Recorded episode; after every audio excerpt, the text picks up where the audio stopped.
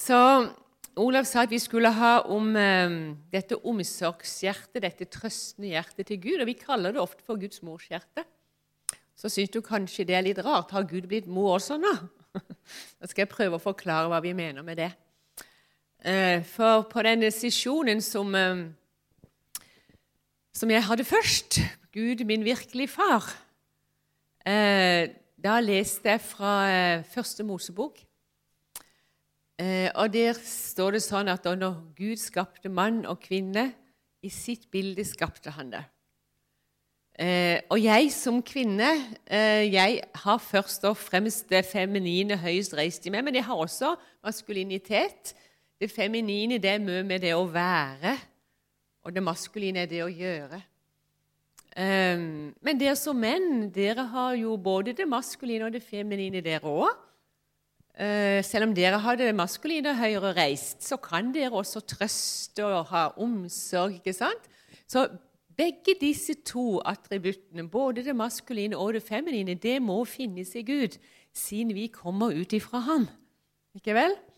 Og Det er dette, eh, den feminine sida hos Gud som vi kaller for Guds morskjerte. Hans trøstende omsorg, det at han fostrer oss, nærer oss og får oss fram. Akkurat sånn som på en måte jeg som mor får med mine barn. Men så han full, har han et fullkomment morskjerte. Og Jeg syns det er blitt veldig vakkert det at Gud har et eh, omsorgshjerte, et trøstende hjerte. Det har begynt å bety veldig mye for meg.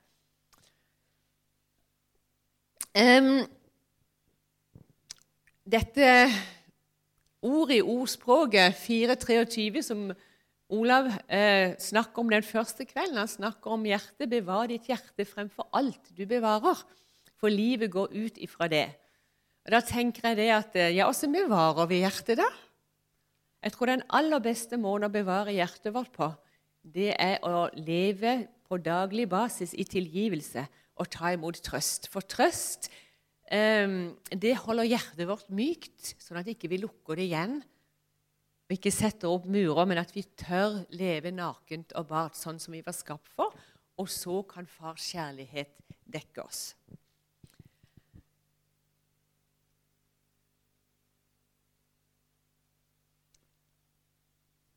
Jeg tenkte at jeg kunne begynne å lese et par eh, skriftsteder. Matteus 23, 37. For det er sånn et feminint uttrykk i Bibelen. Det er fint å se det litt i, i lys av Guds ord. Vi har jo helt sikkert hørt det alle før, men dette er sånn et feminint uttrykk som jeg syns egentlig er så litt nydelig. Jerusalem, Jerusalem, hun som dreper profeten og steiner dem som er sendt til henne. Hvor ofte vil jeg ikke samle sammen dine barn, som en høne samler kyllingene sine under vingene? men dere ville ikke. Så gir han et uttrykk for at han er en, en, en hønemor som ønsker å samle kyllingene sine under vingene. Oss. Dette er jo spesielt til Israel, men det også gjelder også oss. Så han sammenligner det med en høne som samler kyllingene sine. Og Jeg vet ikke om du har sett ei høne som samler kyllingene sine. Eh, men noen ganger så tenker jeg ja, er det egentlig noen der? Ligger det egentlig noen under disse vingene? Hun dekker så over dem og passer så på dem at du kan nesten ikke se at det er noen der. Og en mann som Paulus um, Han bruker også sånn feminine uttrykk. Eh, det står der i um, 1. Tessalonika 2,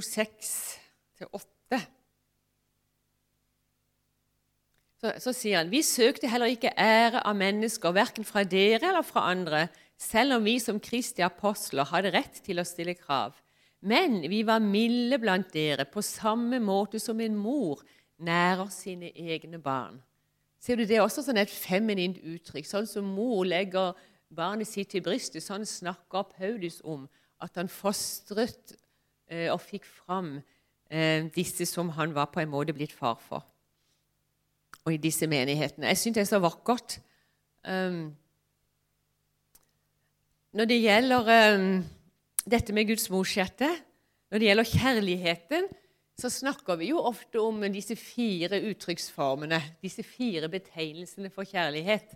Vi kan de jo alle sammen. Det er jo denne agapekjærligheten som først og fremst er Guds fullkomne kjærlighet til oss uten betingelser. Det fins ikke en eneste betingelse og et krav på Guds kjærlighet. Er, det er bare en fri flid fordi han er så utrolig glad i oss. Og så har vi denne filio-kjærligheten. da. Det er jo denne søskenkjærligheten denne eh, kjærligheten som er mellom venner og søsken. Og så har vi eros-kjærligheten. Det er den seksuelle kjærligheten, den som er mellom mann og kvinne. Men så har vi også storgei-kjærligheten. Det er familiekjærligheten. Og det er den jeg skal først og fremst konsentrere meg litt om akkurat nå. Um, det er den kjærligheten som barnet er meint til å ha fra mor og far i de første leveårene. Ja, opp igjennom alle de forskjellige utviklingstrinnene, faktisk talt. Men nå er det når mor som først og fremst bærer barn i magen, og der er det i ni måneder. Så føder hun barnet. Og nå stort sett så er jo det på sykehuset. Før var det jo hjemmefødsler og hjemmejordmor, men nå det, skjer det stort sett på sykehuset.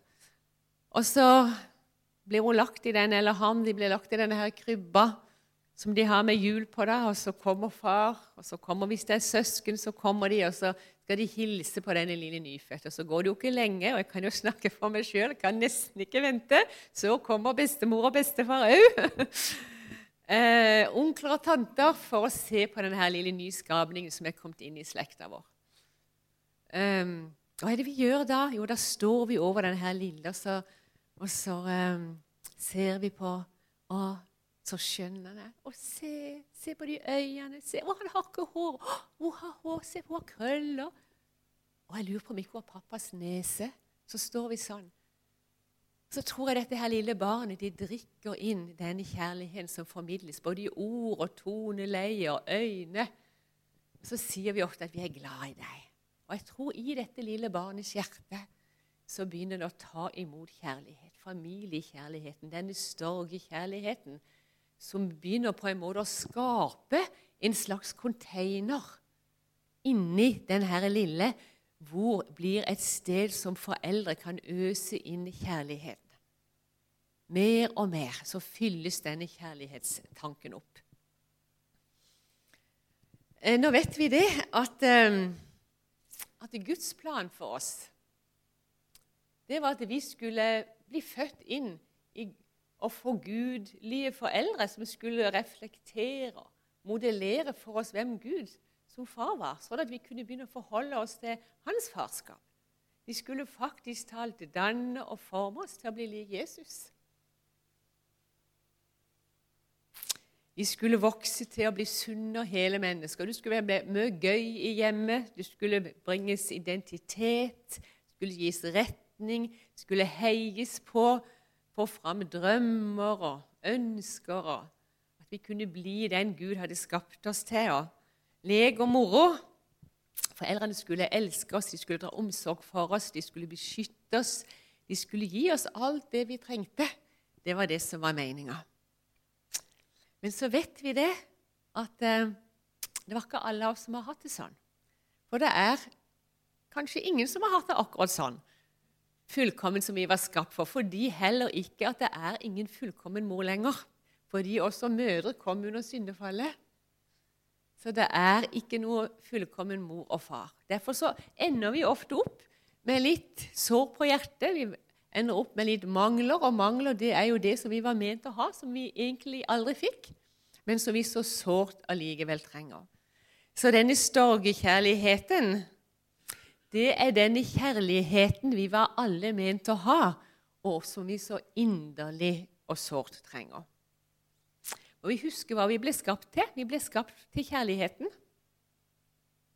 Ikke noe mindre enn det. 24 timer i døgnet. Fullkommen kjærlighet.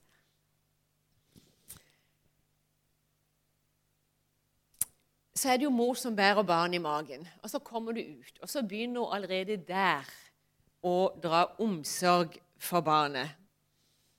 Eh, en betegnelse for å dra omsorg for Hvis du slår opp i ei ordbok, så står det at det, det betyr å få noe fram så tenkte jeg er det ikke akkurat det som er sånn betegnende for en mor. Hun får dette barnet fram ved å, å amme, hun, hun, fostrer, hun nærer dette barnet. Eh, og så er det jo veldig interessant at når barnet er nyfødt, så har det evne til å se akkurat denne distansen som må ligge fra brystet og opp i mors øyne. Og der er det meningen at mor skal få øse sin kjærlighet inn i barnet. Disse gode ordene og det skaper trygghet, tilhørighet, og de begynner å vite at eh, 'jeg elsker mamma og pappa er glad i meg'. Så skaper det noe Så er det denne containeren som fylles mer og mer opp. Og det er så viktig for oss. Um, fordi at uh, vi har et uttrykk som er også i den sekulære verden, som heter 'basic trust'. Uh, og basic trust det får vi jo nettopp ved å ligge ved mors bryst den første tida og bli fostret og næret og bli elsket fram. Eh, så dette med basic trust det er den der grunnleggende tilliten vi får gjennom det. Eh, vi får evnen til å omfavne livet. Vi får evnen til å, å, å knytte bånd, til å gå inn i sunne og gode relasjoner.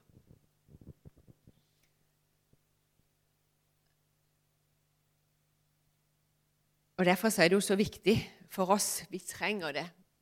Og jammen så er det utrygt der ute noen ganger. Så det å, å ha en kjærlighetstang som blir fylt opp, eh, det er så viktig for oss. Så det er, jo, det er, jo, på en måte basert på at vi er blitt trygge i vår identitet. Vi vet at vi er elsket, vi har tilhørighet. Så det gjør oss faktisk talt i stand til å omfavne livet. Eh, noe av det som jeg er veldig glad i, det er å sitte i en park eller på sånn legeplass og så sitte og se på foreldre som har med seg barna sine. Um, og mange ganger så Så hvis den lille detter å slå seg, da, så kommer han løpende. Og så noen ganger så kan du si at far løper han i møte for å ta han opp. Men så prøver han å unngå det. Han prøver, han vil til mor for å få trøst. Og det er litt sånn morsomt å, å, å, se på. For det er jo veldig ofte det at det er mor som er den trøstende, eh, som skaper den hjemmefølelsen, og så gir far retning eh, og, det, og, identitet, sånn at det blir trygt å gå ut igjen. Derfor så trenger barnet trøst, men så trenger det også dette her lille klapset på rumpa av far til å gi retning til at nå er det trygt, og kan du gå og leke igjen. Så denne funksjonen som mor og far har sammen, syns jeg er så vakkert. Dette maskuline og det feminine. Og begge disse tingene finner vi hos Gud, vår far.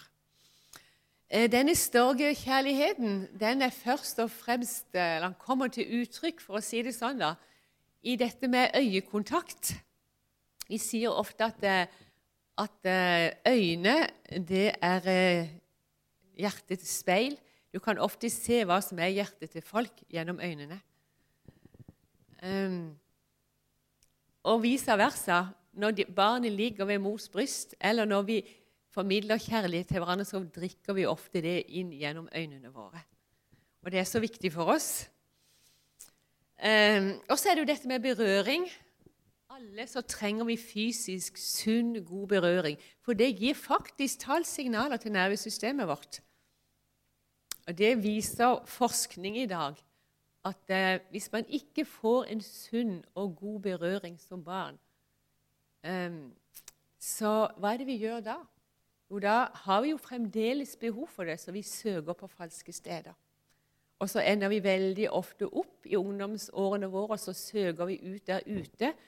Eh, og så blander vi storgekjærlighet med eroskjærligheten, den seksuelle kjærligheten. Men så er det bare det at det, eh, den seksuelle kjærligheten kan aldri erstatte eh, denne storgekjærligheten som vi var ment å ha fra foreldrene våre. Så blir vi bare egentlig mer såra. Og så er det dette med stemmen. Denne gode stemmen fra mor og far som er oppmuntrende, som gjør at vi blir trygge. Eh, det er så viktig. Jeg kan huske en gang for mange mange år siden Olav og jeg vi var i India. Og Så var vi ute på ei landsbygd, eh, og det var der eh, Det var ganske mye folk. Og så skulle det være forbønn, så vi, Olav og jeg vi sto nå frempå der. da, Og folk sto nå i kø og kom opp. og så og dette, de her Mange de hadde aldri sett hvite folk før. og Den gangen så hadde jeg langt, lyst hår langt nedpå her. Og, og jeg så så annerledes ut. Og så var det en mor som hadde en unge her. Eh, og jo nærmere hun kom meg, så ser du bare gutten han hadde nesten panikk på dette her hvite mennesket, rare mennesket. Som, som, eh, så han har nok aldri sett et hvitt menneske. Og hele tida så, så altså, han søkte mors øyekontakt prøvde å få kontakt med mamma. Eh, det tok en stund, men så fikk han det. Og så var jo hun, hun bare smilte til han, for hun så ikke hva som foregikk, men hun smilte. Og da var der, så jeg noe som falt på plass i denne guttens hjerte. Jeg kan ikke si han smilte til meg når han kom, men han hadde i hvert fall ikke panikk og ikke hylte. han. Så det smilet til mor, det hjalp når han fikk denne øyekontakten. Så vi trenger disse gode ordene. Vi trenger gode ord. Vi trenger å høre at 'jeg er glad i deg, gutten min', 'jeg er glad i deg, jenta mi'. Det er med å gjøre oss trygge, at vi er elsket. Det skaper tilhørighet. Det får på plass identiteten vår. Derfor er disse tingene så viktige for oss.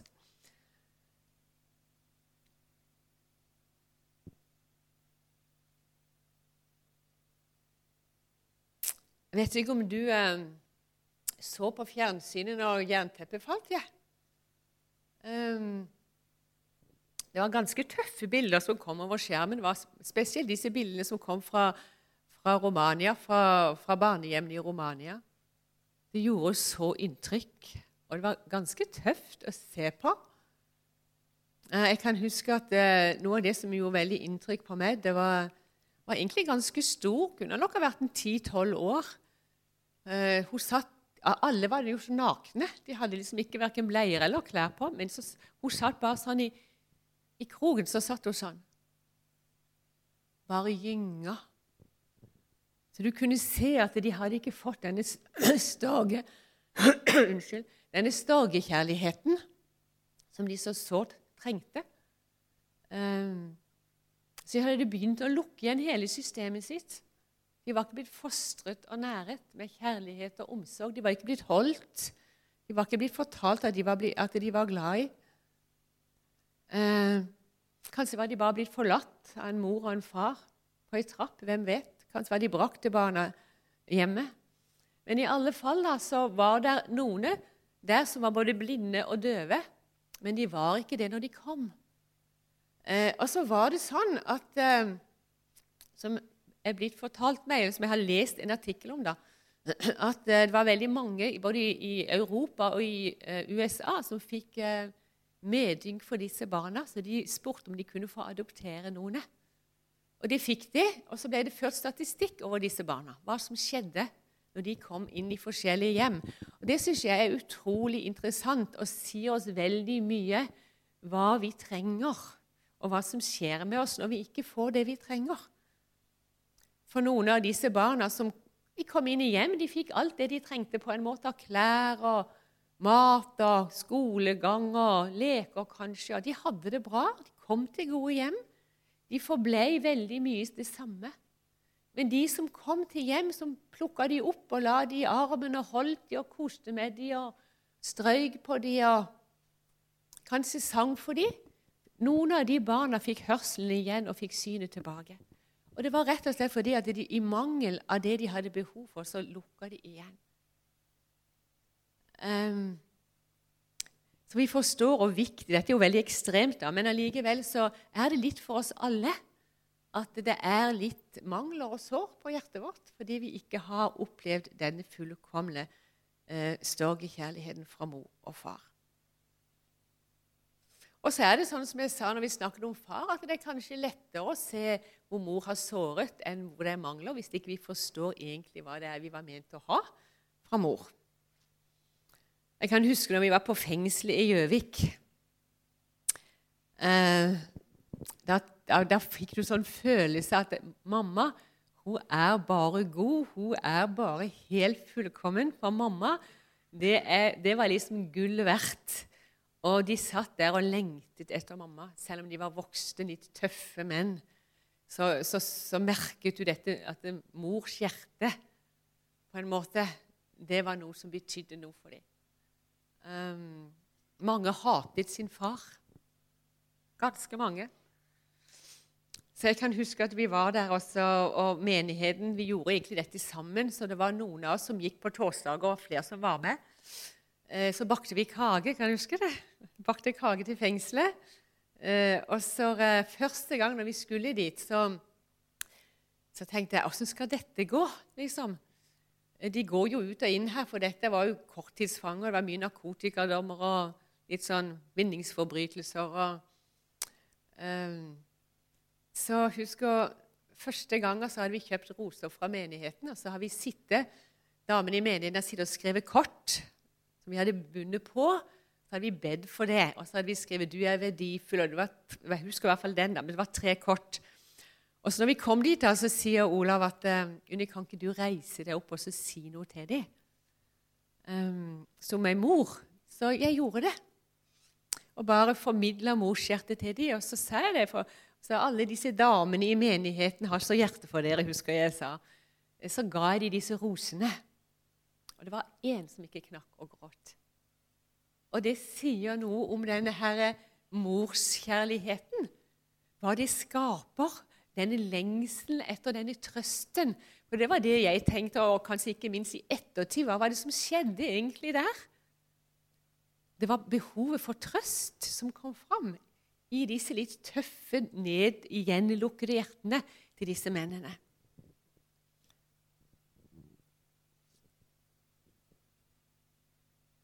Og så er det håp for oss, og det syns jeg er så flott. Fordi at Jesus kom for å gjenopprette alle ting. Det er ikke noe ikke han kan gjenopprette.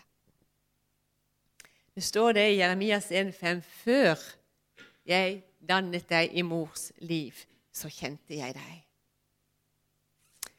Gud var allerede der når du ble unnfanget, når jeg ble unnfanget i mors liv. Så var det han står der, som blåste livsånde i oss, og det var han som trakk oss fra mors liv. Så tenker jeg jeg tror han var der, og så tok han imot oss i sine armer, i sitt hjerte. Jeg tror det var en veldig sånn etterlengtet dag for Gud som far med et morshjerte. Jeg tenker på der har mor jeg har gått gravid i ni måneder, og jeg har gått gravid med mine i ni måneder. Tenk om Gud, før jeg kom inn i denne verden Jeg er født i 53. Tenk på alt det som var før jeg kom inn i verden. Hvor lenge han har gått gravid i hjertet sitt med meg, og også med deg.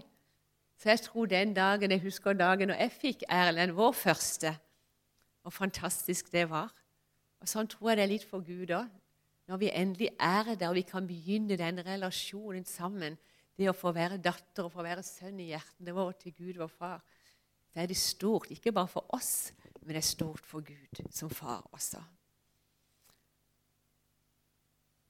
Så syns jeg det er så nydelig at eh, vi har aldri faktisk alt vært alene. For det Gud har alltid vært til stede i livet vårt. Det har ikke vært en dag vi egentlig ikke har vært elsket, for Gud vår Far har alltid elsket oss.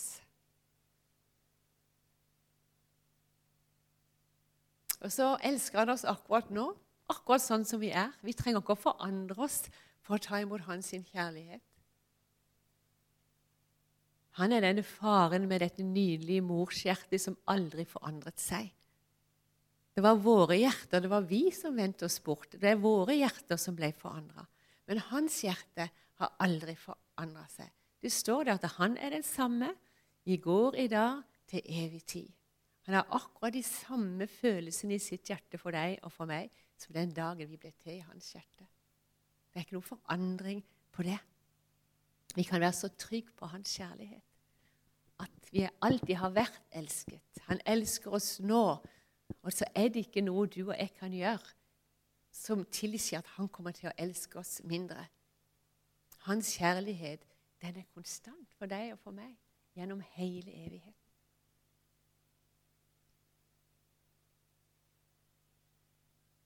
Men kanskje sitter du her og kjenner at du har behov for å bli plukket opp i disse Guds mors armer. Bli trøstet, bli næret, fostret, øst inn i ditt hjerte det som du ikke har fått av en jordisk mor.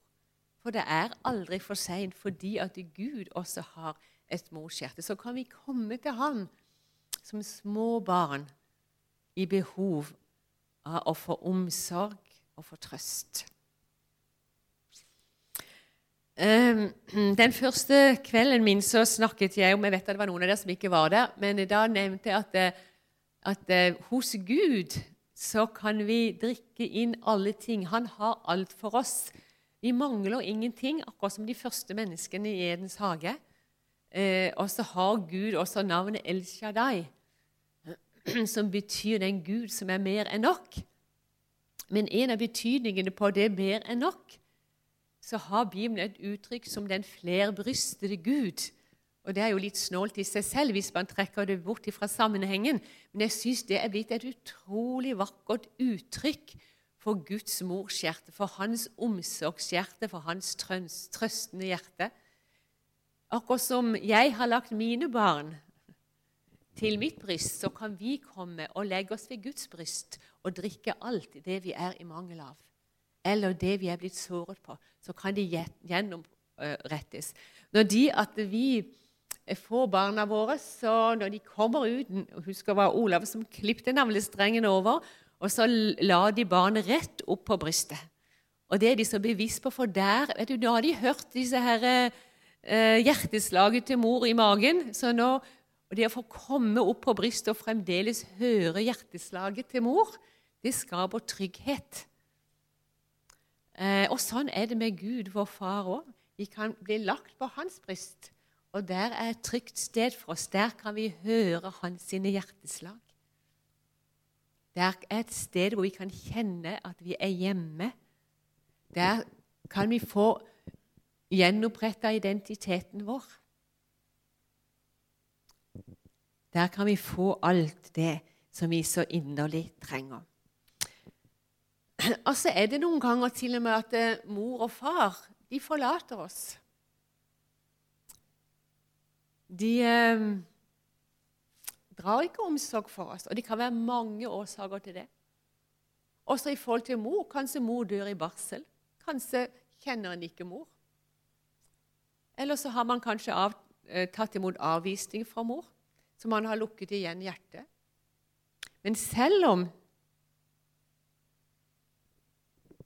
En kvinne kan glemme sitt dine barn, står det i Jesajas 49, og ikke har ømhet for sønnen som hun fødte. Og selv om mor kan glemme, sier Gud, så vil aldri jeg glemme deg. Jeg har tegnet deg i mine hender, dine murer står alltid for mine øyne. Og så sier David om far og mor forlater meg, så vil Herren ta meg opp. Kanskje sitter du på stolen i dag. Kanskje trenger du å bli tatt opp i disse mors armene og komme hjem og kjenne at det er et trygt sted.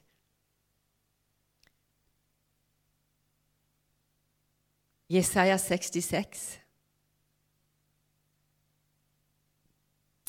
vi skal bli fostret og bli tilfreds ved ditt trøstende bryst. Så skal dere suge og bli mette ved hennes barm, som gir trøst. Ja, dere skal drikke og glede dere ved hennes herlige bryst. For så sier Herren, se til Sion leder jeg lykke og fred som en elv.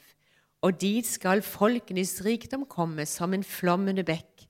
Hennes barn skal bæres på armen og vugges på fanget.